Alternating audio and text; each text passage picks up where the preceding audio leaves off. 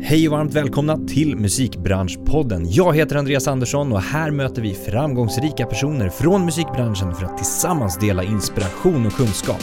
Musikbranschpodden produceras av DMG Education, musikbranschens digitala kunskapsarena med kurser, utbildningar och coachning för dig som vill utveckla din karriär. I dagens avsnitt träffar jag Johan Lagerlöf som är Head of Investment på Pophouse, vilket innebär att han ansvarar för de investeringar som görs, till exempel köpet av rättigheter rättigheterna till Aviciis och Swedish House Mafias katalog.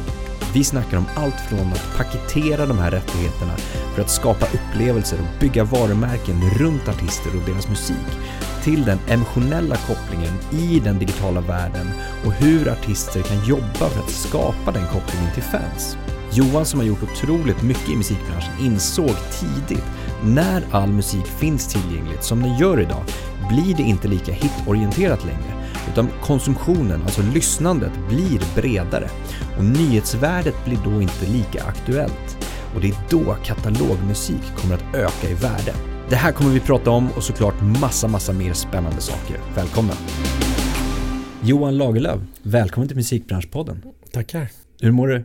Är bra, jag är lite hes. Du är lite hes, vi pratade om det tidigare också. Ja, ursäkta om, om, det, om, det, om jag pratar tyst och sävligt med det. För att jag, de säger att det är för att jag har flugit för mycket, jag vet inte. Och du pratar ju ganska mycket i ditt jobb också. Ja, precis, precis. Det är, väl, det är väl för mycket för min ålder då kanske. Presenterar mycket, vad ni gör för någonting på Pophouse. Ja, jättespännande. Ja, precis. Ja. Vi pratar jättemycket om det. Pophouse är ju ganska nytt ja.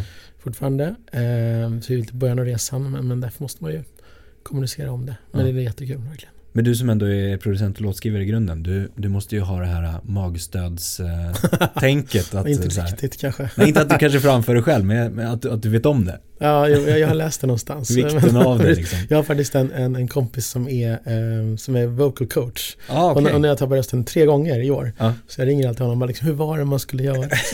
så det finns någon sån, han har en sån här vocal pipa man kan blåsa i. Ja, precis. Så man får tillbaka liksom, rösten. Så jag ska, jag ska ringa honom sen och kolla jag tror man är så här då blir det bättre. Där har du det. Jag får göra det. Om du har ett sånt ljud, då är det jag som sitter Då är det du som sitter rösten. och bara så här, vänta nu, Johan tappade rösten. Vi, vi går tillbaka till alldeles strax, vi klipper till paus. Uh, men superkul att ha det här. Ja. Du var väldigt snabb på att svara när jag hörde av mig. Mm, det var min assistent som Nej, det var det inte. Ja, det, var, det var faktiskt du som... Liksom, ja, det var det nog. Ja, jag tror det. Ja, jag är mycket på e-mail helt enkelt. Ja, men för vi har ju setts en gång digitalt också på ett möte och bara snackat om vad vi gör och sådär. Under covid liksom. Exakt. Eh, och även då var du väldigt snabb. Ja, det är och det, jättebra. Det var inte ens mail. Mina kompisar säger tvärtom så det är bra. Är det så? jag vet inte. Men jag tänkte just det att så här, är det något slags signum eller något slags jag vet inte. Du vill, du vill avverka, du vill, du vill få bort det från din ja, sida. Ja, kanske det. Jag tror att alltså, när man har jobbat som nu på Spotify och sånt förut och sådär, då är det verkligen här och nu. Det kan liksom det, det, alla, alla svarar ju direkt på allting. Liksom. Spelar ingen roll om det är mail eller om det är WhatsApp. Eller, det är bara kommunikation, kommunikation, kommunikation. Liksom. Ja. Man vänjer sig väl. Men har det blivit mer, nu i din roll nu då som vi pratar om, nu är det mer kommunikation, prata? Alltså presentera, pitcha? Ja, precis. precis. Pratar mycket med artister och sådär. Och, och, ja, alla möjliga egentligen. Vi, så att, så att Poppa så de senaste månaderna så har liksom var vi nästan okända för några månader sedan innan, innan ABBA Voyage kan man säga. Mm. Och sen har, liksom, har, vi gjort några förvärv också med, med Avicii och Swedish House Mafia. Så, så det, har, det har liksom accelererat jättesnabbt. Även om vi har jobbat på de här sakerna längre tid. Ja. Liksom. Men du, vi, eh, din roll idag då? Mm. Eh, vad är din officiella rollen? Jag eh, är ansvarig för investeringar på Poppa, alltså köp, köper saker. Exakt. Helt enkelt och kolla på vad vi ska köpa, eh, kolla på strategierna för det och sådär. Så att det blir en bra, en bra, en bra, ett bra hus vi bygger. Ja. Bland annat då rättigheter ja, till precis. som vi kallar det musikkataloger eller? Ja, precis. Vi, I grunden är det liksom att vi kollar på artister som vi tycker har, har en spännande historia. Mm. Artister som har en historia att berätta kanske också genom sitt, hur de har, liksom, som vi kan berätta om dem eller som har berättelser i sina låtar eller i, i något annat.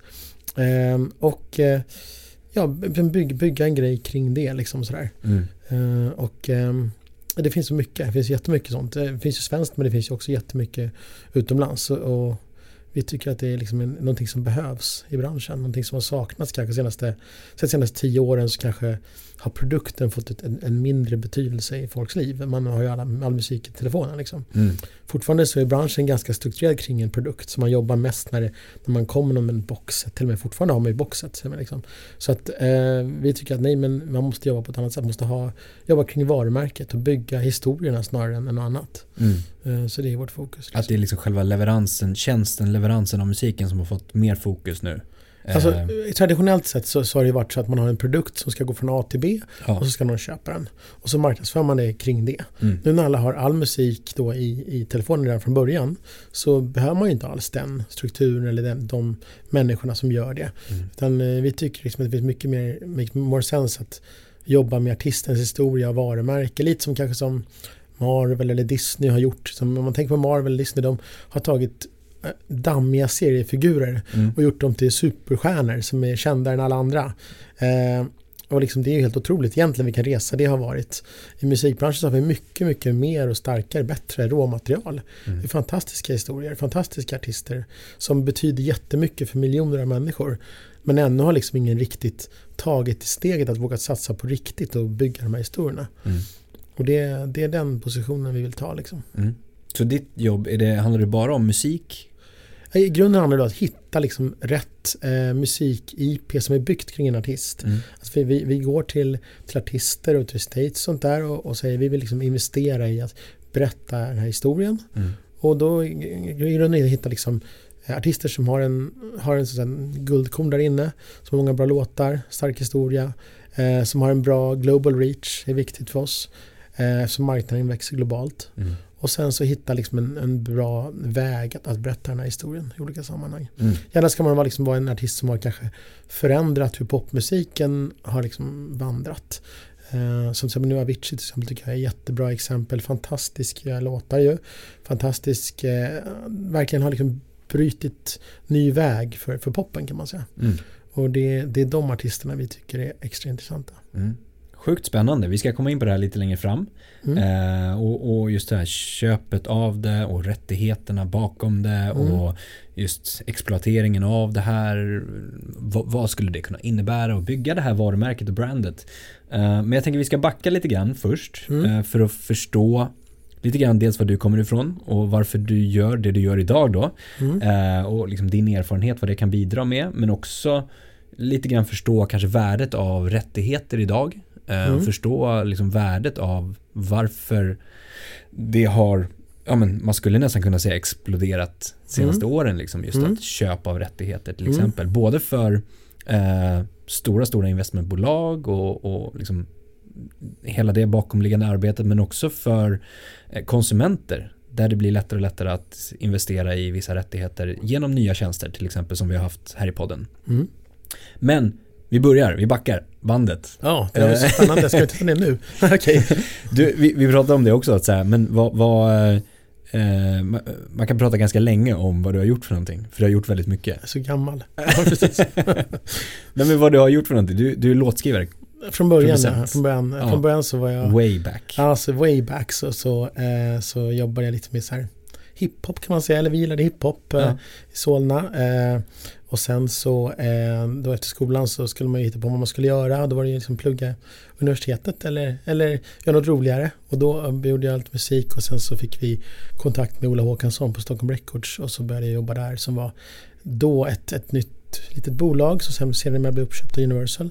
Men Ola hade startat det med Erik och till där och sen så då satt vi där och hängde. När man, är, mm. liksom, när man är 20 så tycker man att det är jättekul att hänga i studion. Så, mm, att, mm, mm. så det blev vår, vårt hem liksom. Mm. Eh, så det var en jättekul tid. Härligt. Om vi lablar det med då liksom producent låtskrivare eh, under den perioden. Vad plockar du med dig därifrån som du gör idag? Eller förståelser eller? Jag skulle säga allt. Alltså, det är ja. ju grunden för allting. Grunden ja. för allt är ju, är låtarna. Mm. Så att, eh, jag, jag, tänker så i de termerna hela tiden. Alltså, melodi, komposition, är det här tidlös? Eh, liksom vad, vad är själva liksom essensen i det här? Mm. Eh, det jag tycker det påverkar även om man var på Spotify eller vad som helst. Det, det är alltid liksom superviktigt. Melodin mm. är ju liksom, eller texten också, men själva den, den leveransen är liksom kärnan i allting. Mm. Så, Så- tänker jag. Ja, så, så du har ändå väldigt mycket med dig därifrån då, som du säger. Ja, ex- extremt mycket. Det, det är som man ser liksom på hur, hur låtarna har utvecklats över tid och så här. Så, så eh, just nu mer än någonsin kan jag tycka, alltså, har låten ännu, ännu mer betydelse för framgången. Ja. Att, att melodin är tydlig, den står för sig själv, kanske står a cappella för att det görs mycket remixer och, och den sätts i nya kontexter och sånt där. Så nu mer än någonsin så är det verkligen låten som gäller. Mm. Och har man inte liksom, tänker man inte på det. Och det gör vi även när vi köper musik då så att. Att det, att det finns, vi jobbar ju nu med, med liksom fantastiska låtar. Mm. Eh, och, och det är liksom, det, så måste det vara. Mm, mm. Men eh, om vi går vidare sen då så, så har ju du även gått från liksom kreatörskapet till entreprenörskapet Mm. eh, och, och startat bolag. Mm. Eh, inte bara inom musikbranschen. Nej, men allt har nästan relater, relaterat till det egentligen. Det Ja exakt, det är ju musik fortfarande. entreprenör i musikens tjänst kanske man kan säga. Ja exakt. Och då handlade det ju om liksom hits i Jag, jag kan spola tillbaka och ta lite det där snabbt. Nej, Ja. först, först var jag musikproducent och låtskrivare. Sen så blev det ju eh, redan eh, då i slutet när, vi, när jag satt och gjorde det så, så började musikbranschen gå ner lite. Mm. Det började komma piracy och annat sånt där. Internet eh, kom ju starkt. Så att, så att eh, det började liksom komma, man märkte att det hände någonting sådär. Och då eh, hade jag och Janne och min kompis gjort några Markoolio-hits eh, och fick mycket uppmärksamhet för det. Eh, och då så, jag, vi var på någon sån här mässa och kom på hur man kunde göra om de här låtarna till, till ringsignaler liksom. Och starta en, en, en sajt med det. Mm. Rent tekniskt alltså, Rent tekniskt, ja, hur man liksom kunde ladda ner dem till telefonen från, från internet. Exakt. Eh, och, eh, och det bara liksom exploderade galet liksom. Så att det var liksom det, var, det, kan man, det har man ju alla glömt nu, men det var liksom Sveriges största sajt för, för, liksom, för musik och för, för mobilcontent överhuvudtaget. Mm. Eh, men det bara till, poängen då, från början var det gratis. Mm. Och då kostade varje sms någon krona eller någonting. Så att eh, pengarna bara rasade ut. Eh, så, att, så då eh, fick vi ta in investerare. Och förstod, lärde sig lite hur det funkar. Att man, aha, ta in investerare liksom. Det var första gången vi frågade dem så här, hur mycket behöver ni liksom? Vi bara, ja, men 200 000. De bara, men det är alldeles för lite liksom. Det går inte. Mm. Mm. Jag bara, nej, liksom, okej, ja, ja.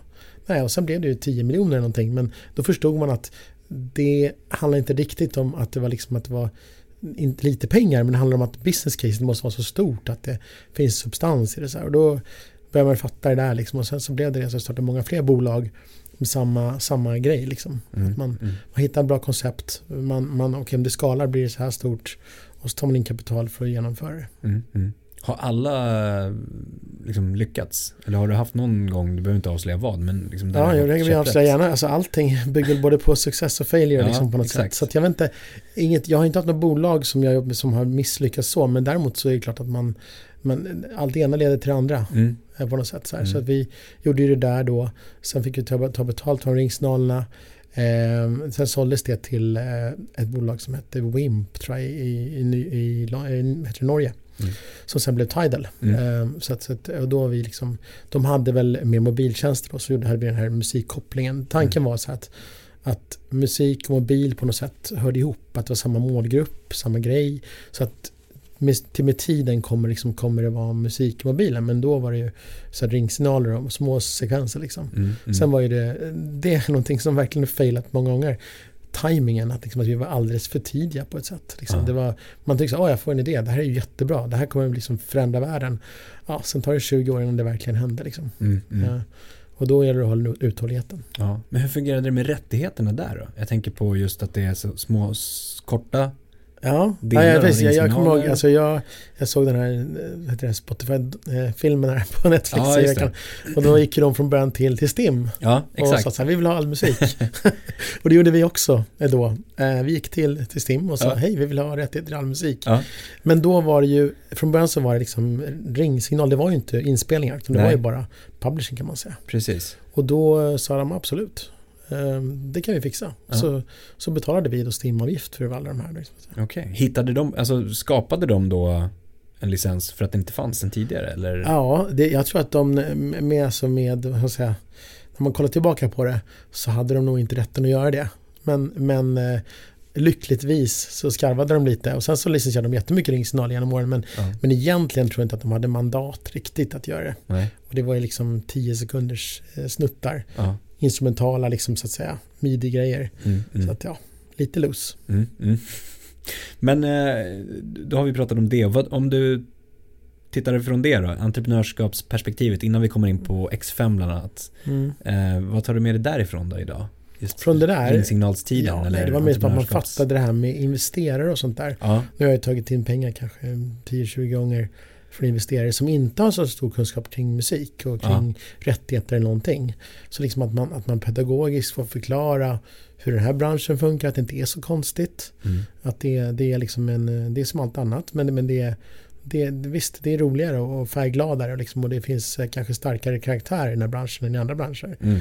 Men i grunden så är det liksom samma, samma sak. Mm. Så man måste liksom dra ner lite de här, folk har så mycket ska man säga, de har så mycket förutfattade meningar om musikbranschen. Mm. Och det måste man liksom ta bort lite och gå ner på kärnan. Och det har jag kanske lärt mig. Mm. Och det har jag med mig varje dag tror jag. Just det. Om man tittar på de här 10-20 gångerna du har tagit in pengar då. Mm. Vad, vad, vad är viktigt att fokusera på där och då? För att liksom, du pratade om att, att berätta och förklara en bransch och, och produkten och, och, potentialen. Men finns det någonting annat som, som är viktigt att liksom gå in med i en sån process? Jag tror att det egentligen är, är samma sak. Och det, det är kanske samma sak som investerare man gör. Att det handlar om att ett, förklara eh, att det sker en förändring i världen. Ofta bygger man ju idéer på en förändring i världen. Ja. Paradigmskifte kanske. Eh, två, eh, förklara liksom vilket problem som uppstår eller vilken möjlighet som uppstår. Eller problem för de etablerade kan man säga. Mm. Och tre, hur man ska liksom ge sig på det. Mm. Och sen kanske då när folk har förstått det lite, vad, vad är potentialen då? Vad händer om vi gör det här? Mm. Och va, va, vad ska jag göra då? Vad ska jag konkret göra nu för att vara med i den här grejen? Mm. Mm. Det är väl det man alltid berättar egentligen. Mm. Mm. Ska vi gå vidare då? Ja, I på. historien så att säga. Mm. X5 Ja, just det. är ju ändå liksom någon lite större Ja, allt, allt börjar ju med en powerpoint liksom, men sen så Ja. växer det. Men eh, då, då var det, kan man säga, jag måste, jag måste bara komma ihåg själv. Ja men Eh, X5 nej, men, ja, vi, hade sålt det här Mobilist då till, till Ja. Eller vad. Och sen så, eh, så branschen började gå ner. Mm. Eh, om man drar paralleller till, till eh, Pers tid, som du kollar på Netflix-dokumentären, så var det när det var som mörkast liksom i branschen och Pirate Ja. Bay och allting.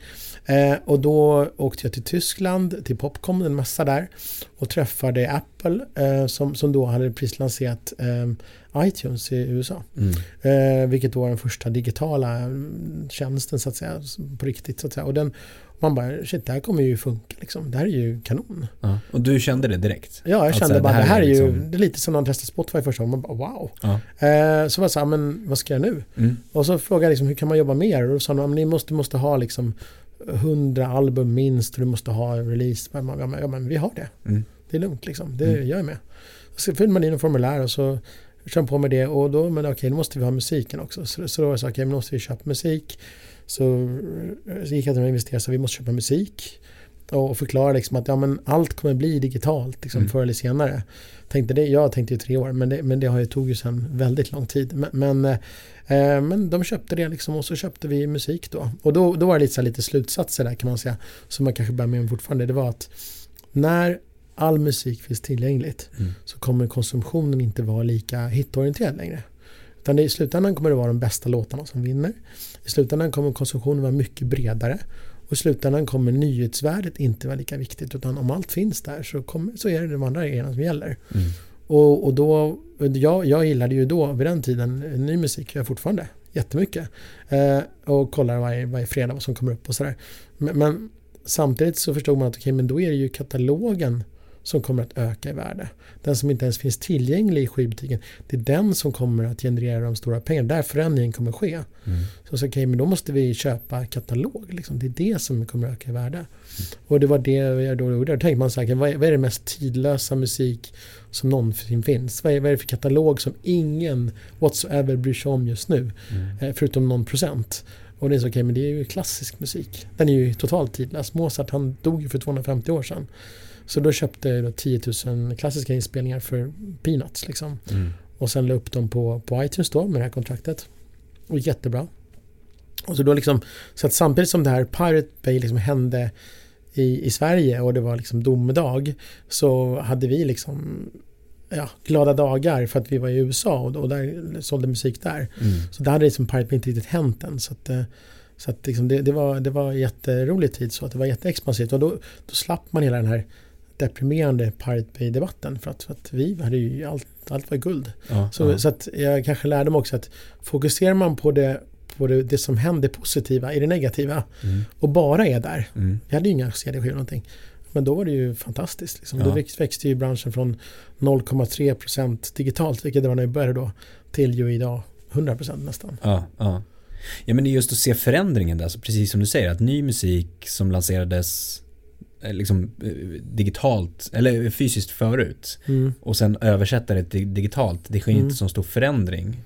Även Nej. om liksom fler användare kan ta del av det. Men precis som du säger att den katalog, alltså det vill säga äldre musik, eh, som oftast inte är så mycket äldre heller som vi pratade om, eller som vi pratade om tidigare i podden också, att det är den stora förändrings liksom processen som ni såg potentialen i. Mm. Ja, det, alltså på något sätt så det, det var där liksom, om vi, ska, om vi ska prata om katalog senare, så kan jag säga att eh, det var väl där på något sätt när liksom normalstadiet började infinna sig. För de flesta Mm. människor lyssnar ju på sina gamla favoriter och sånt där. exakt. Det är bara att musikbranschen innan hade varit fokuserad på det nyaste för det som fanns i butiken. Mm. Men jag tycker att det är först nu kanske då, och, och det är därför jag fortfarande jobbar så mycket med katalog, att det är först nu som det börjar bli ett normalstad där man har en balans mellan intäkter för den musiken som verkligen är bra och, och som folk gillar Mm. och, och det som verkligen händer. Liksom. Så att för nu, nu strömmar, nu får man ju streams baserat på vad folk gillar bara. Ja, ja. Ja, exakt. Men, men eh, så du var ju väldigt tidig, eller ni var ju väldigt tidiga. Det här var ju liksom början 2000-tal. Mm. Eller 00-tal kan Som man ju säga. sagt, Det ju tajmingen var innan. liksom urusel på ett sätt. För att, eh, Ja, fast ändå väldigt, väldigt bra, precis som du Ja. säger. Att för ni såg ju ett ljus i det hela och det var väldigt mm, lönsamt också. mm, eh, på mm. det sättet. Ehm, men sen, eh, liksom det här med spellistor Mm. var ju någonting som kom sen också då. Ja, precis. Sen, Eh, sen kom ju eh, Sen kom ju Spotify. Det var ju 2000, var det 2006, 2008 och sånt där. Ja, exakt. Man såg de första versionerna.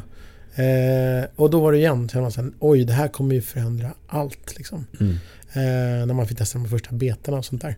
Eh, och så då, då fick vi liksom, det, det, vi hade ju redan själva setupen eh, klar liksom. Så, att, Mm. så att det byggde egentligen på, på sökoptimering vår grej. Alltså för, först tänkte man att vi köper katalog, laddar upp det på iTunes och that's it. Sen kan vi ta det lugnt och softa liksom. Mm. Spela poker och ta det lugnt.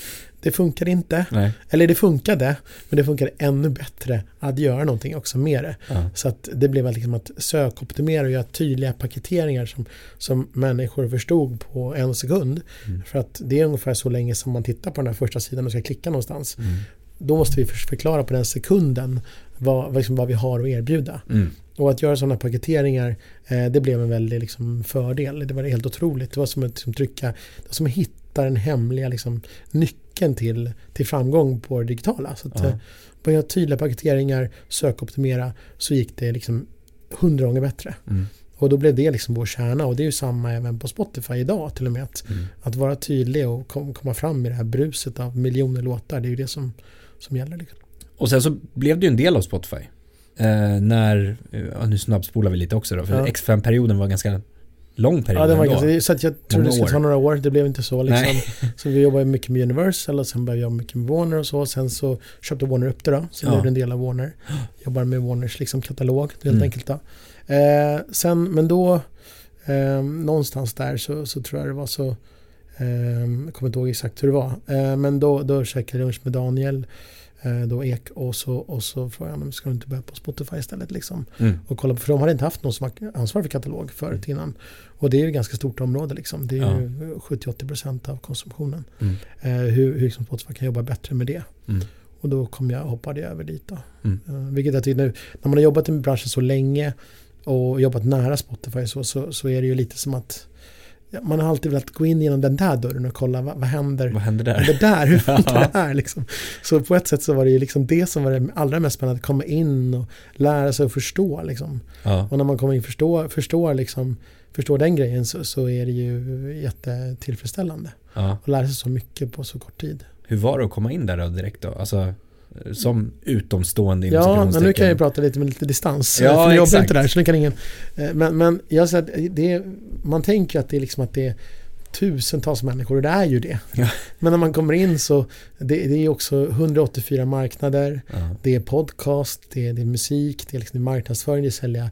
Det är, så, det är så jättemycket att göra också. Mm. Så för varje varje sak, varje del så är det ganska få. Mm. Det kanske är två som jobbar med Finland och någon som jobbar med Norge och det, det är väldigt få liksom. Och jag var globalt då för katalog så att eh, det var mycket att göra liksom. Så början var jag själv. Mm. Eh, sen så blev det ju fler då men, men eh, ehm, och det var liksom mycket musik. Mm, mm. Sen är det ju så att alltså det är så många nivåer också. Det är ju som jobbar med det serverdelen eller liksom det och tekniken och tjänsterna och så, så det är oändligt liksom. Ja. Men, men för varje liksom en, enskild liten del så är det ganska lite folk. Liksom. Så det är Ja. väl första man kan känna att jag kom in och så var det, var det inte så många som jag trodde. Nej, nej. Eh, men sen tycker jag en, en, mycket, en viktig så revelation eller umbass jag fick när jag kom in tidigt. Det var liksom att för man tänker, som från musikbranschen tänker man så här, men jag vill bara komma in på en spellista så är allt klart. Ja, exakt. Jag vill liksom, de kan ju exponera mig, vad spelar det för roll för dem? Liksom? Mm, mm. Men, men, men nyckeln är ju att allt handlar om användarupplevelse. Ja. Det är det enda som gäller. Så att nej, man kan inte exponera något som inte funkar utan det är användaren som bestämmer vad den ska lyssna på. Mm, Och eh, servar man inte det absolut bästa som den ska ha, mm. då funkar det inte. Nej. Så att användarupplevelse är liksom A och O. Så att jag, jag pratade med Universal och Warner och sådana när jag var där. Så liksom en, men liksom tänk om, ni pushar inte på oss utan tänk på liksom användarupplevelsen. Då kommer vi komma springande om ni kommer med någonting som förbättrar användarupplevelsen. Mm. Då kommer vi vara direkt på det. Så att det var väl en, en lärdom. Men om man säger så här, där, då fick du vara på den sidan. Ja. Eh, du, har, du har ju varit liksom på kreatörssidan. Ja. Eh, Du har varit på eh, liksom, eh, rättighetsägarsidan. Mm. Och nu är du på eh, liksom, ännu mer inne i det digitala och eh, distributionen av Mm. liksom, musik. Mm, nu är jag Så- nästan på artistens sida igen. Exakt, du kommer ju liksom Ja. dit på något sätt.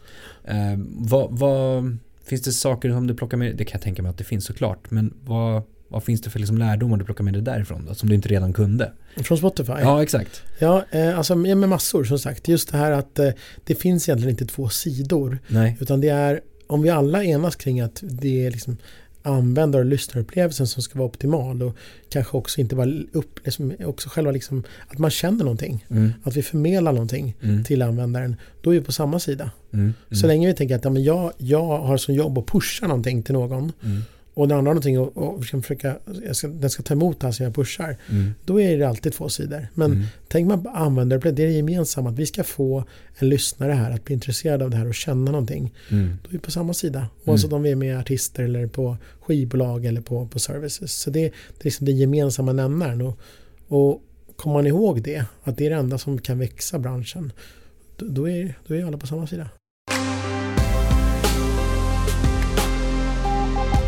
Hur, hur har det varit? För du har ju ändå liksom gått från att vara, vad ska man kalla det, egen. Eller liksom skapa saker och ting själv i Mm. entreprenörskapsandan. Mm. Till att sen eh, eh, förverkliga någon annans idéer. Mm. Ja, men på, på liksom, Mm. Warner i första hand då när Mm. de köpte X5 och sen då Spotify. Mm. Hur är den dynamiken för din egen del? Ja, men det är en bra fråga. Jag är, jag är nog värdelös liksom sådär storföretagsanställd. Eh, som ändå, liksom får en idé och kör på den liksom. Ja, så, ja. Att, eh, så att eh, jag trivs nog jättebra. Det, det det här vi gör nu är jättespännande. Där vi också alla är eh, 100% säkra på att det här liksom är rätt och, och Mm. bra. Men man är nog liksom en entreprenör i hjärtat på något sätt. Jag tror allting handlar liksom i grunden om att försöka förbättra en situation. Liksom. Eh, och, och då, ja, då, antingen brinner man för det Mm. och en sån person eller ser man någon som kanske mer tycker att tryggheten är bra att sitta och göra. Men, men jag tror många av oss, speciellt musikbranschen generellt, är sådana som, som vill någonstans. Liksom. Mm. Och, då, och då, då blir det ibland lite, jobba i storföretag är kanske inte en långsiktig lösning då riktigt alltid. Mm. Så kan jag tycka. Det, är du ifrågasättande? Ja, konstant. Liksom. Det, är det som är, jag hoppas inte på negativt sätt. Nej, men, nej, precis. Utan men- i utvecklingssyfte ja. kanske. Ja. Nej, men så när vi kom in på Warner så, så tror jag att eh, folk upplevde, eh, speciellt mig kanske då, som, som väldigt ifrågasättande av det traditionella så att säga. Ja, ja. Eh, vilket är det är man ju inte för att man vill, man gör det för att man vill förbättra, för att man vill Mm. tycka att men det, så här kan vi inte jobba liksom. Mm, mm. Det, det, det är long term så förlorar vi alla på det. Ja, men, men det är klart att det är stora skutor, tar längre tid att, att svänga på. ja. Hur håller du dig då liksom i framtiden? Eh, ja, det är en bra fråga. Nej, men jag, man funderar mycket på det hela tiden. Mm. Eh, och det är lite det vi jobbar nu med Pophouse. Vi tycker vi jobbar med, med framtiden. Ja. Eh, och jag tror många kan tycka liksom att det är obekvämt också. Liksom så här, men nu, det går ju så bra nu, ska vi inte bara köra på liksom. Mm. men, men tittar man inte på det så, så kommer det snart att bita den i baken, liksom, den här Mm. framtiden. Så man Mm. måste nog ha ett långsiktigt perspektiv dit man springer, men sen veta att det tar tid. Och, och det vi gör nu idag eh, måste också löna sig liksom, på något sätt. Ja, exakt. Och hålla den balansen i liksom, ja, men det ni gör då, idéerna och genomförandet, men också i förklaringen, precis som du sa, ni pratar väldigt mycket om vad ni gör för någonting Mm. och hur det ska gå till kring köp av katalog och rättigheter. Men, men eh, att balansera det liksom för mottagaren också Mm. måste ja, vara en, en svårighet. Ja, och nu jobbar ju vi med långa perspektiv. Liksom. Ja. Så det, det är lite lättare. Men jag kan, jag kan testa en idé på dig då. Så här brukar jag förklara. Var är på väg nu? Eh, nej, men nu, då brukar jag börja stort med internet. Ja, det internet vet jag vad det är. Ja, det vet jag Ja, vad det är. ja, Ja, ja. och det vet jag vad det, vad det har gjort också för människor. Det har ju förändrat livet för alla. Det är mycket lättare med saker. Att, att gå banken är mycket lättare. Att, att köpa musik, få musik mycket lättare. Mm. Och sådär. Så att internet har varit om att, att, att eh, effektivisera processer. Eh, Man kan ju göra, köpa allting från hela världen och sånt jättelätt och betala jättelätt och allt jättelätt. Skaffa bästa elräkning, liksom elabonnemanget och sånt. Så att det handlar om att, att förbättra och förenkla. Eh, nu är ju allt ganska lätt. Nu har man liksom alla, många branscher har haft den här förbränningen från fysiskt till digitalt och, och sen har det fortsatt vidare så att den förändringen är inte lika stor längre. Så att eh, min tes är att nästa paradigm, först var internet var, liksom, det var infrastruktur, det var servrar, det var kablar över Atlanten, det var liksom det som, som det drog. Liksom. Sen var det hårdvara, det var Dell och det var Compaq, det var liksom datorer och så. Sen var, och sen var det Android och mjukvara. Sen var det tjänster, Spotify, Amazon och sådana som, som drog, som blev jättestora företag. Eh, nu är det content. Nu är det content som driver. Nu är det content som, som förändrar ifall Netflix går bra eller dåligt eller Disney eller sånt. Och kärnan av content är musik. Så vi har gått från, vi går från att internet var någonting som förändrade, förbättrade, förenklade saker till att nu eh, måste man satsa på det som får folk att uppleva också. För det är ganska blasé, man tycker så ah, vad, vad grymt, nu är det mycket lättare att göra den här grejen. Och sen så, okej, men vad händer nu då? Nu har jag mer tid, vad ska jag nu? Och då handlar det liksom om att engagera. Så jag tror vi kommer in i något paradigm nu där det är något, liksom engagement är det som driver tillväxt, det är det som driver att folk gör saker. Mm. Och där är de flesta internetföretag faktiskt inte uppsatta för engagement. De är ganska dåliga på det. Mm. Eh, De har liksom jobbat med effektivisering bara. Det är massor med människor som varit jättebra på att effektivisera processer. Mm. Och nu kommer vi till engagement. Och där kommer ju då musik in. Som är kanske den bästa verktyget för att engagera folk någonsin och alltid varit. Musik har alltid drivit de här tjänsterna i grunden egentligen. Youtube och allt sånt där. Så det är liksom även Amazon, ja allting egentligen. Så att, Apple. Så att nu tror jag att nu drar det till spets. Nu är det engagement som gäller. Mm. Och då måste man som investerare eller entreprenör eller någonting måste man förstå content, måste förstå kraften i, i och framförallt musik, förstå hur det funkar, förstå rättigheterna, hur det sitter ihop och sådär. Eh, för det kommer att vara grejen liksom, Mm. framöver. Och det kanske man pratat om i 20 år, att content is king och sådär. Men det har inte riktigt varit. Det har varit liksom tekniken och förbättrandet till tjänsterna som har varit grejen. Mm. Nu kommer vi dit, när, när content liksom verkligen får explodera. Mm. Och det är väl, det, det är väl den liksom, det kommer hända i 20 år. Det kanske inte alla tycker är positivt eller, eller om man har ett internetföretag som har fokuserat på förbättring och plattformar och jag menar som Google till exempel, det handlar mycket om förbättring. Nu ska man, nu ska man vara bäst på, på att skapa upplevelser. Det är en helt annan grej. Man kan se nu, jag brukar följa Mark Zuckerberg på Facebook, liksom. han pratar inte längre om förbättring, utan nu är det liksom upplevelse som grej. Nu står han med sina Googles hela tiden och, Mm. Mm. och berättar om hur underbart det är. Mm. Lite problem fortfarande att förklara för folk exakt hur underbart det kommer att bli. Eh, för att han kommer inte därifrån. Mm. Men, men eh, nu handlar det om, liksom, om upplevelser och, och, och känna någonting. Mm. Och där har vi då som musikbransch som sagt en, vi sitter ju sjukt bra till. Eh, och det är väl i grunden också så att var- varför vi i alla fall tr- tror på det så mycket. Mm. Vi tror på att det är musik, inte bara att köpa katalog eller att utveckla kataloger. Så det handlar inte bara om, om liksom vår bransch, utan det handlar om att vår bransch nu kommer vara liksom i mitten av allting, i centrum av allting. Mm. Eh, Så det, det finns mer att vinna än bara vara bäst på musik. Mm. Och att musik är kärnprodukten men, men att skapa upplevelser runt omkring den. Och Exakt. amplifiera på Få, något att sätt få, att få användaren sätta musiken i sån kontext så att användaren kan uppleva någonting, Ja. kan känna någonting. Ja. Eh, Jag, jag, jag har ju träffat lite folk nu som fantastiska människor som jobbar med musik. Eh, som till exempel Björn Ulvaeus säger just att, att det viktigaste när vi gör de här avatarerna som var i London, Mm. det eh, som, som då Poppa kör tillsammans med, med ABBA så, eh, att, att människor ska känna kärlek, känna någonting. Liksom, det är ju trots allt teknik Mm. som möter levande människor. Där måste det finnas kärlek, det måste finnas någonting. Liksom. Och det, jag hörde Daft Punk sa samma sak. De står bakom masker. Liksom. Mm. Det är inte så lätt då att förmedla eh, någonting, en känsla. Men det är, musik ska ju förmedla känslor. Mm. Så att, att där, där ligger kärnan. Liksom. Att, att jobba hela vägen så att man kan förmedla den här, den här känslan och få den här reaktionen. Liksom. Men nu har vi kommit in väldigt mycket på idag då. Och vi Mm, fortsätter jag gillar att prata om idag. Eh, Ja men det ska vi göra. Ehm, och och, och vi, vi har ändå fått en förståelse för vart du kommer ifrån och varför du gör varför du är där du är idag så att säga på den rollen och varför egentligen Pophouse också tittar på den här biten, alltså det du precis förklarade. Om, om vi lite tittar på liksom bara processen till hur du kom dit du är idag, den rollen du är idag. Mm. Eh, Mm. Den är väldigt specifik. Mm. Eh, söker man en sån roll eller blir man kontaktad? Ja, rent konkret så, så var det så jag satte på Spotify då med den här kataloggrejen. Eh, och tycker ändå vi hade åstadkommit ganska mycket förändring där. Mm. Eh, gjort jättemycket, jag var ansvarig för spel, spellistor och sånt där. Teams gjorde det, vi gjorde, liksom, jobbade med skivbolagen och skulle få för dem att leverera och bättre upplevelser till oss och sådär. Så det var mycket jobb med det. Eh, var ganska glad eh, med det. Eh, men så käkade jag lunch med Per Sundin då. Eh, och han frågade om jag liksom ville börja pophouse. Då kan man tycka att då var ju pophouse okänt. Så man kan tycka att det var lite, jaha, liksom ska jag det? Mm.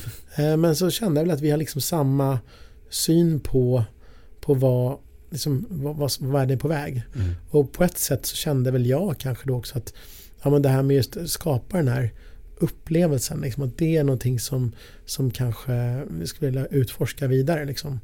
Och så att om vi kan göra en, kunde ha en strategi där jag verkligen bottnar i det, att vi ska skapa upplevelser musik och få det till nya målgrupper Mm. så är det någonting som jag verkligen, verkligen vill göra och kommer lära mig mycket av. Så att då började vi liksom fundera på den strategin och hur, hur vi ska jobba med det. Liksom. Om man har en rättighet i grunden, en musikgrej som kanske är lite dammig, kanske lite sådär.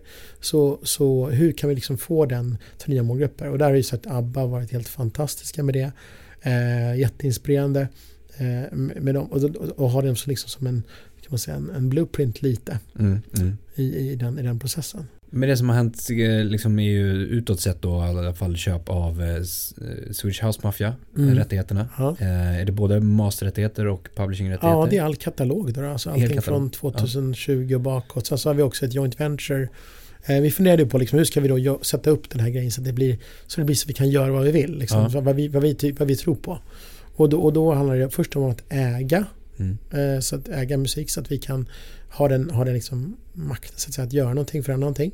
Så blir den som hjälper artister och estates och sånt på den andra sidan skivbolagen. Så att om vi sätter Spotify här i mitten så är skivbolagen där. Och sen har vi liksom de som i grunden äger det här. Gå, sätta oss i den stolen och, och hjälpa och pusha där. Och oftast är det ganska små bolag som inte har liksom den här infrastrukturen eller pengarna att investera eller, eller kunskapen att och liksom förändra. Mm. Eh, I just Finansmarknadsfallet så är de dock otroligt duktiga och aktiva så det var inte samma sak. Men vissa, vi, vi köper katalogen, vi förvaltar den, fokuserar på den. Eh, så gör ju de alla fantastiska saker de gör. Och sen har vi ett joint venture där vi ska utveckla varumärket tillsammans. Mm. Kanske på lite längre sikt. Mm. Mm. Eh, Så, att, så att nya målgrupper kan uppleva liksom, katalogen och sånt på bästa sätt. Då, Ja, ja. varumärket generellt. Och så har vi även gjort då med, med Avicii. Mm. Så där har vi ju eh, då ett, eh, vi har eh, köpt in oss katalogen och sen ett joint venture där vi tillsammans ska utveckla och framförallt liksom få musiken till nya generationer av, av lyssnare. Mm. Mm. Så det här, egentligen mycket av det ni gör också handlar ju om att förlänga på något sätt eh, det som redan finns. Alltså arvet som Ja, vi pratar ja om. i förlänge, det är ett tusenårsprojekt. Eh, nej, men, Ja men både att göra det tidlöst, att, att, att som sätta det i kontext. Jag tror att det enda som... eh, Men att Per- det inte tappas bort på något Ja, sätt Per också. brukar säga att musik åldras bättre än vin. ja. Att det är liksom att det, det, är, det, det är för alltid. För att gör man en bra låt Ja. med, med en bra produktion så håller den för alltid. Ja. Men det som föråldras är kontexten. Ja. Eh, det, det blir omslagen blir gamla, Mm. eh, hela grej, allting runt omkring, videos, allting blir gammalt liksom. Mm. Och, och då har vi i Bobas har vi jättemycket bra erfarenhet från andra sektorer. Mm. Eh, från till exempel från, eh, från fotbollen, Manchester United och Milan kommer Michael Bollenbrook från. Har varit eh, chef där. Eh, och fotbollen till exempel, de är ju jättebra på att, på att ta ett varumärke till nya målgrupper. Mm. Eh, som om jag liksom är en eh, Manchester United-fan idag känner jag mig som det här är ju mitt lag. Det här är, de är ju här och nu. Mm. Samtidigt kände min farfars far för hundra år sedan samma sak. Mm. Så att det, de har verkligen varit bra på det. Vi har också folk från, från eh, Jameson från Harry Potter utvecklat det varumärket och byggt saker på det. Så vi, vi har som kombinerat olika kunskaper kring att hur, hur göra saker tidlöst och relevanta för, för alla hela Ja. tiden. Ja. Eh, och så det handlar om det egentligen. Ta det från en historisk kontext Mm. och sätta det i en kontext som alltid är relevant. Mm. Och där tycker jag väl att, att, att eh, om jag får liksom slå tillbaka på vår egen bransch lite. Man generellt har varit tagit det, som det, det, det, det billigaste grejen i att, att fira det gamla. Mm. Att om man kollar nu på, på katalog då så säga alltid så här, men nu firar vi att den här fyllde 20 år eller var 50 år sedan ACDC kom med sitt nya album. Mm. Eller så här, bra albumet liksom. Vilket är kan man säga det sämsta man kan göra just nu. För om man ska sätta ACDC i en kontext så att unga förstår det. Då ska man givetvis inte säga ni var inte med. Det hände Exakt. mycket coolare saker för 50 år sedan. Och då var inte ni här. Mm. Då exkluderar man snarare dem. Mm. Så att bort med allt det och tänk på vad, liksom, vad kärnan i musiken är. Mm. Och kan vi sätta den i en kontext som så att de här som är här nu förstår den. Mm. Och det är klart man kan det. Mm. Om musiken är bra. Och det är ju det som blir det tidlösa på något sätt också då. Ja, och när man gjort det, man har frigjort den från, från arvet och liksom, då, då kan man sätta den i massor med olika kontexter. Det kan vara musikaler, filmer, avatarer, vad som helst. Mm. Eh, som är relevant just då för Mm. att folk ska kunna connecta med det och få den här emotionella kopplingen till det. Ja, För det är ju när man får det som man, som man blir en fan på riktigt. ja, ja, Och det kan man ibland vara svårt med teknik att skapa den här emotionella kopplingen. exakt. Även på de här streamingtjänsterna så tycker jag att det är, det är någonting man kan jobba vidare på. Att skapa emotionella kopplingar till artister och musik. För det gör man inte särskilt bra. nej. Så om man tittar på hur det här ska göras till exempel i olika format så finns det inte alltid ett facit här och nu. Alltså om, om ni tittar, ni, ni tittar ju långsiktigt på det här och potentialen kring varumärket, brandet, historien, musiken Mm. eh, och hur det skulle kunna sättas i olika kontexter och olika format. Men de formaten kanske inte är skapade än. Kan det vara så? Ja, Alltså absolut. att- det, men- egentligen handlar det ju inte om egentligen det, det kommer, allt, alla artister har en olika historia som Ja. vi ska berätta på olika sätt. Eh, just nu är det poppis att göra det med filmer. Ja, eh, tv-serier ibland sådär. Eh, Avatarn är ju någonting nytt som är om inte du har varit där, är fantastiskt. Eh, måste, måste se ut Mm. som en musikbranschperspektiv. Så det är man måste se. mm, Man måste se. Eh, så det är en kontext, men det kommer säkert komma hundra nya. Nu Mm. pratar ju så att eh, Facebook och allt meta om, om exakt. liksom ja, med metaverse. Web3 liksom. och, ja. Det kommer säkert funka till slut, såklart. Ja. Liksom. Eh, när man kan skapa den emotionella kopplingen. Exakt. Det kan man inte riktigt göra än om man går in i någon sån här... eh, Det det är för enkelt där. Det finns inga, inga känslor riktigt med liksom i bilden. Men när känslorna kan förmedlas, Mm, som de kan med Avatar London, då, då funkar det. mm, Och det är så att, därför är det inte så beroende av teknik egentligen. Det är bara beroende att man, att man arbetar med tekniken så mycket att den kan förmedla en känsla. För det är ju det musik gör. ja.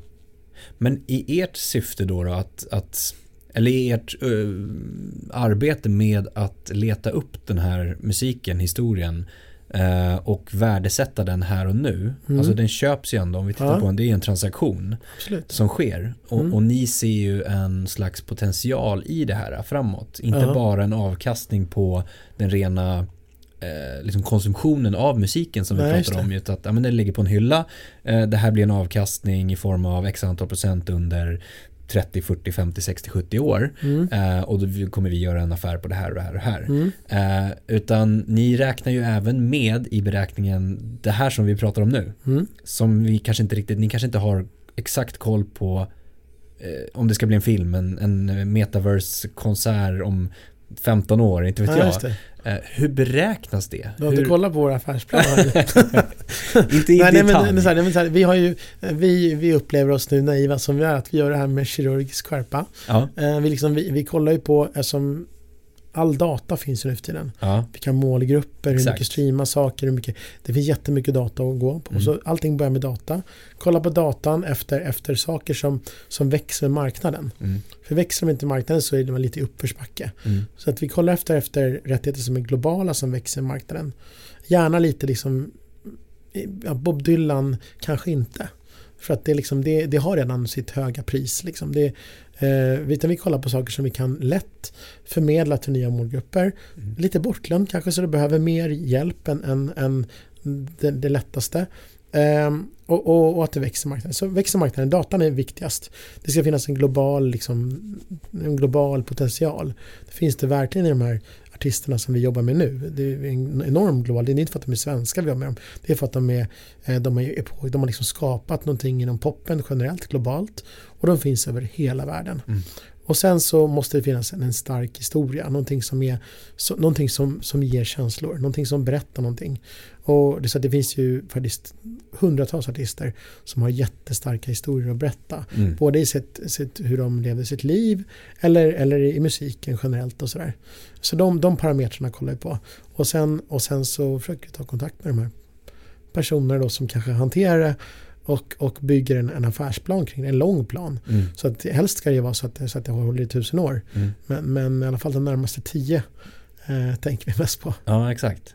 Men, och det där är ju superspännande och då tänker man just på att det, att det sätts en prislapp på det och hur den prislappen koms fram till. Liksom. Uh -huh. eh, är det rättighetsägaren då som sätter priset och ja. ni bara accepterar eller är det som i alla fall så är det ju köpare och säljare måste vara eniga. Ja. Annars blir det ingen affär. Nej, exakt. Men, men vi, eh, de har säkert en idé. Mm. Det finns ju ganska standardiserade modeller för det här. Liksom. Mm. Men vi bygger vårt case jättenoga. Så i mitt team har jag eh, också då annan kompetens från, från, från Morgan Stanley, från, från, från den världen, från P-världen. Mm. Eh, som är eh, helt gudomligt bra på att, på att göra sådana här modeller. Mm. Som har gjort det för jättestora företag, många sådana case. Så det är också ett nytt element som vi har dragit in i musikbranschen lite kan man säga. Som traditionellt sett var det inte så A&Rs jobbade. Nej. Att de byggde ett P-case för, för 10 miljoner och så här, kolla så här bra kommer det gå. Mm, eh, mm. Utan det var ju mer på magkänsla. Men, men här gör vi det och det känns också enormt spännande att kunna ha den lyxen att göra det. Mm. Så då, då är vi ganska säkra på att worst case så, så, så, har vi liksom lyckats med hälften kanske men då är det ändå bra. Men Just lyckas vi med det här, lyckas vi förmedla den här känslan och kanske göra den här filmen eller göra de här avatarerna vad det nu kan vara. Mm. Ja men då blir det ruggigt bra. Ja. Räknar ni med att det skulle kunna gå, om vi säger att eh, ja, men om man tittar tidigare på just skivbolagsbiten, att, att majorbolagsbiten, att man, man signade tio artister och hoppades på att en skulle flyga ja. och liksom cover the losses för ja. de andra. Räknar ni med på samma sätt att, att det skulle kunna gå Ja, eh, nej, så här kommer 10 av 10 funka. Ja. så är det så vi, vi, vi, vi tar ett sånt som, som vi vet redan har en, en, en målgrupp, en, en, en, har en publik i grunden. Ja. Sen är vårt jobb att föra den till nya målgrupper. Det är det vi ser som vår uppsida. Mm, mm. Att kunna föra den till nya generationer. Så, eh, musiken måste vara bra liksom. Men, mm. men det, det, är en grundtro på också att musiken inte kommer försvinna. Mm. Folk kommer tycka att musik är viktigt och det är ju viktigt. Mm. Så, att, så att när det är så bra musik så att det inte kommer försvinna, mm. då hoppar, hoppar, vi in. Mm. Mm. Och då går det inte dåligt. Nej. Det går bara mer eller mindre bra. Ja.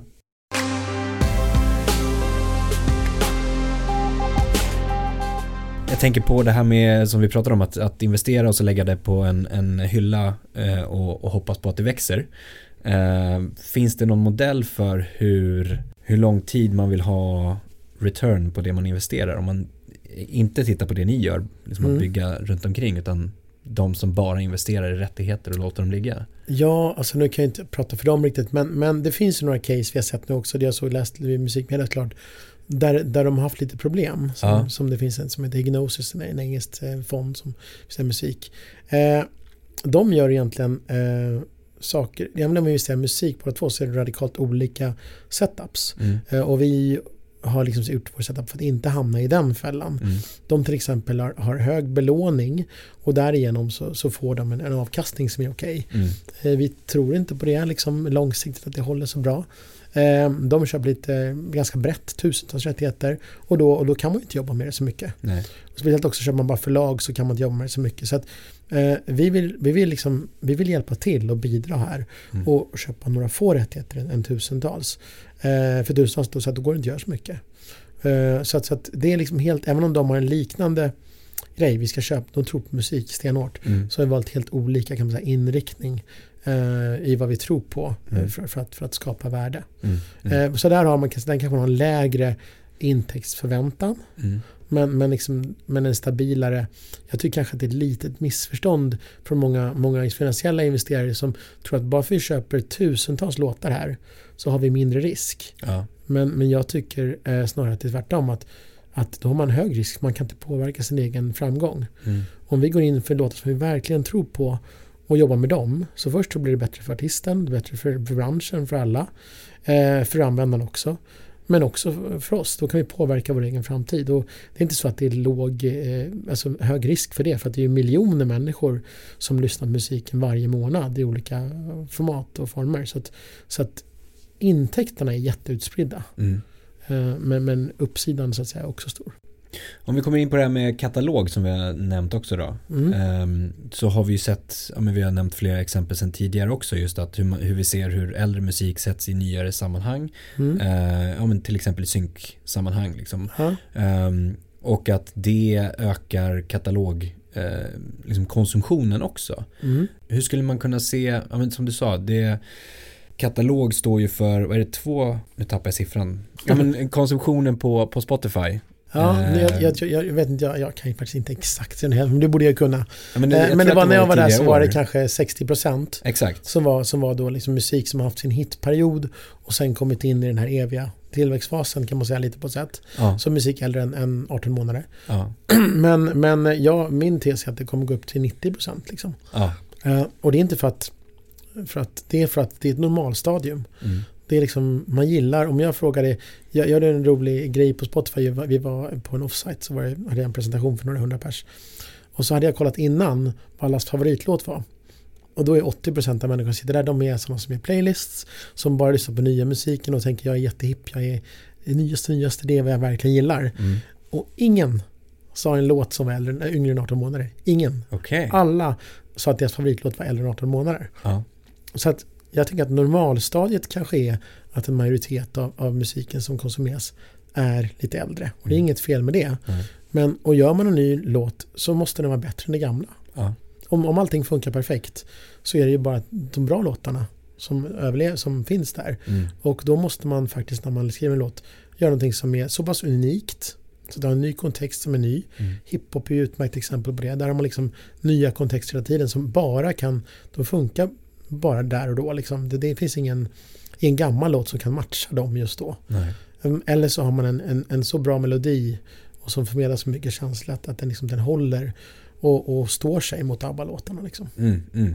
Men det är inte lätt. Men då hade ju den här gruppen om 100 pers att då har de ju uppfattningen om att de fortfarande lyssnar på det men Mm. kanske inte förståelsen för att det är äldre musik. Att de, att Ja, de Exakt, exakt. Alltså, på något sätt så det är ju det, det om man kommer, vad är normalt så att säga, om man, man tänker på det. Så, så de tänker inte det, på att det är katalog inom Nej. och, nej för, det, för det är arvet, det är hela musikarvet. Varför de gick till jobbet, varför de fick jobbet, varför de, varför de överhuvudtaget jobbar med det här. Ja. Det är det liksom. Mm. Och det kan man ibland eh, glömma. Jag, jag, alltså, förr i tiden, eh, nu låter jag jättegammal, men då, när, när musiken drevs av radio och det drevs av försäljning, Mm. Då var det naturligt att man ville ha nya produkter. Mm. För det fick in folk i butikerna, det fick folk att lyssna och sådär. Nyhetsvärde är viktigt. Men nu när alla har redan all musik så är det mer liksom bästa låten vinner. Mm. Så att jag tänker att det här är liksom det stadiet som, som är det normala.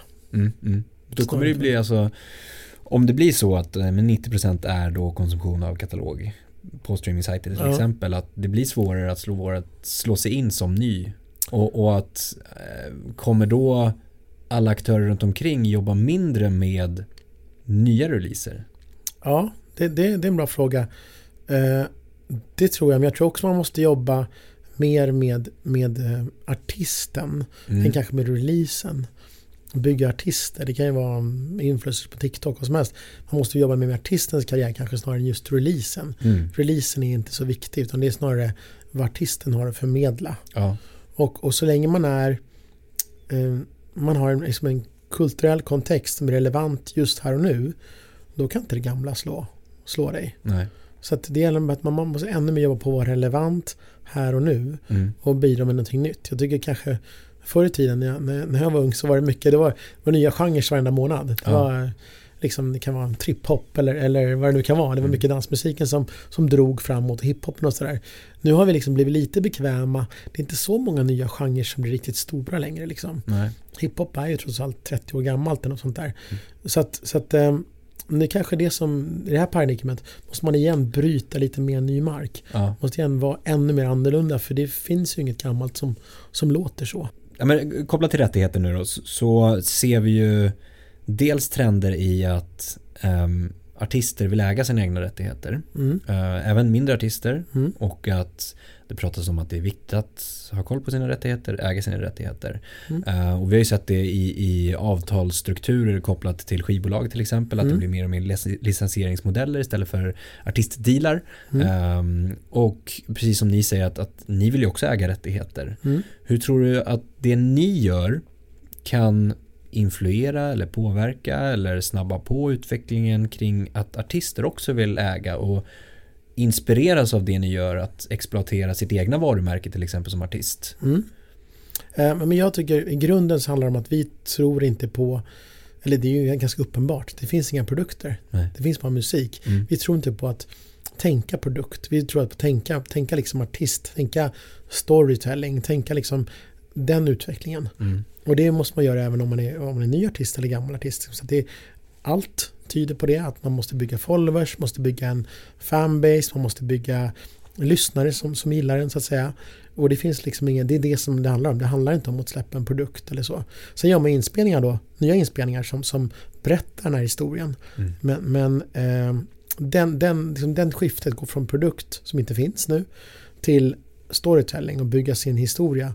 Det tror jag är relevant oavsett om man är gammal eller ung eller om man har gammal musik eller ny musik. Så det, det är ingen skillnad. Nej. Och, och jobba med det content och upplevelsebiten och inte bara titta på release, release, release. Ja, det är inte det, release, det är, liksom, det är ett artificiellt ord på ett sätt. Ja.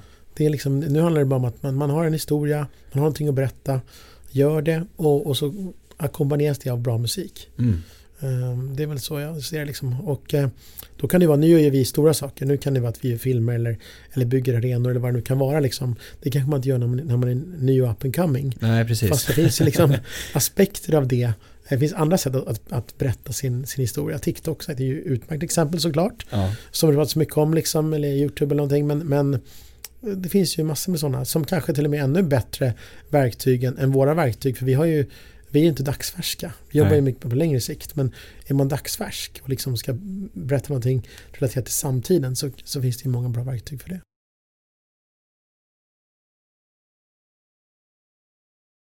Men, men för ni har ju utåt sett så är det ju bara, eller bara ska jag inte säga, Swedish House Mafia och Avicii som Mm. liksom är officiella Mm. eh, köp. Men, men ni, jag har förstått att ni håller på med många, många fler. Ja, vi har jättemånga dialoger. Eh, så att, att, att, att, nu är ju Avicii och liksom svenska. Mm. Eh, vi också. Eh, och det kan man ju tycka som att det är en, en stor plan men det är det ju inte egentligen utan det är bara att de har också ett, ett globalt footprint. Ja. Eh, verkligen en, en verkligen global, alltså Swedish House Mafia Streams kanske är 3% i Sverige eller någonting. Och Avicii och liknande så det är ju en majoritet utomlands. Mm. Eh, så att globalt är det viktigaste för oss att det, att det växer marknaden i alla, alla, alla världens länder. Mm. Eh, och ganska streaming, streaming tungt kanske. Ja. Eh, men, men så det, det vår, liksom, vår idé liksom. Ja. Har ni haft några processer, jag vet att du kan ju inte avslöja såklart, men har ni haft några processer där ni inte haft samma vision om, om vart varumärket ska ta sig någonstans?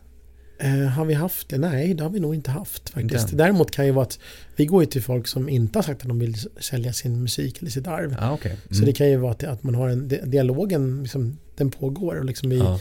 Vi bollar och lär känna varandra och kollar på liksom vad kan man göra och hitta någon plattform i det. Liksom. Så det är ingen stress så men Nej. så det handlar mycket om att bygga det där, liksom, Mm. den relationen. Så vi vill helst inte gå till någon som är på marknaden och säga nu ska jag sälja det här och springa iväg. Utan Nej. vi vill jobba med folk som, som tror på sin grej och som vill kanske vara med på resan och som, som verkligen brinner för det på samma sätt som vi gör det. Ja. Om du får säga lite om framtiden då, men eh, ur, från ert perspektiv. Ja. Om vart Pophouse befinner sig om tio år. Ni har ju en tioårshorisont per, som vi pratade om, ja, per får, liksom. Nej men alltså får jag, får jag säga om det? Eh, nej, ja men vi har ju en tydlig plan liksom och vi, vi tycker att det vi gör är vi unika på i Mm. världen än så länge.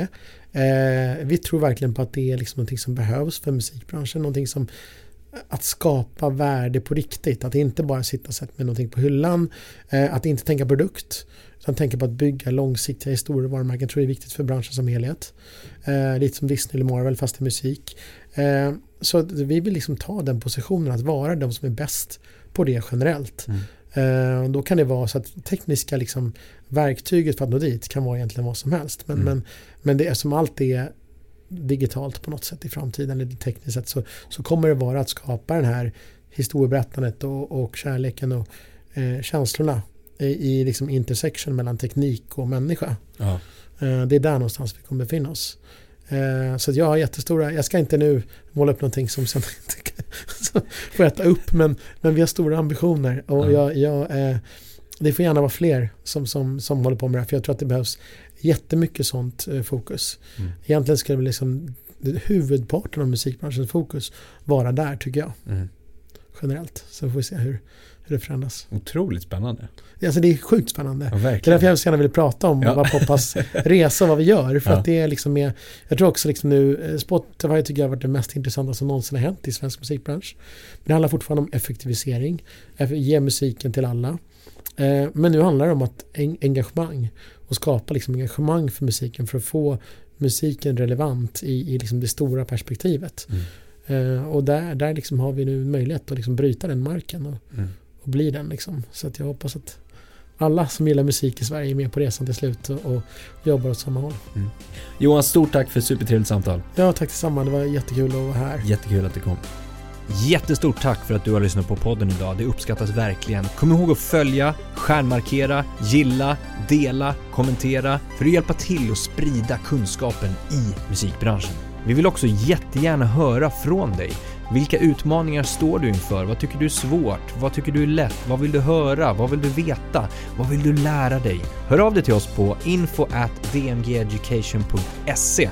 Tack för idag och ha en fortsatt härlig dag.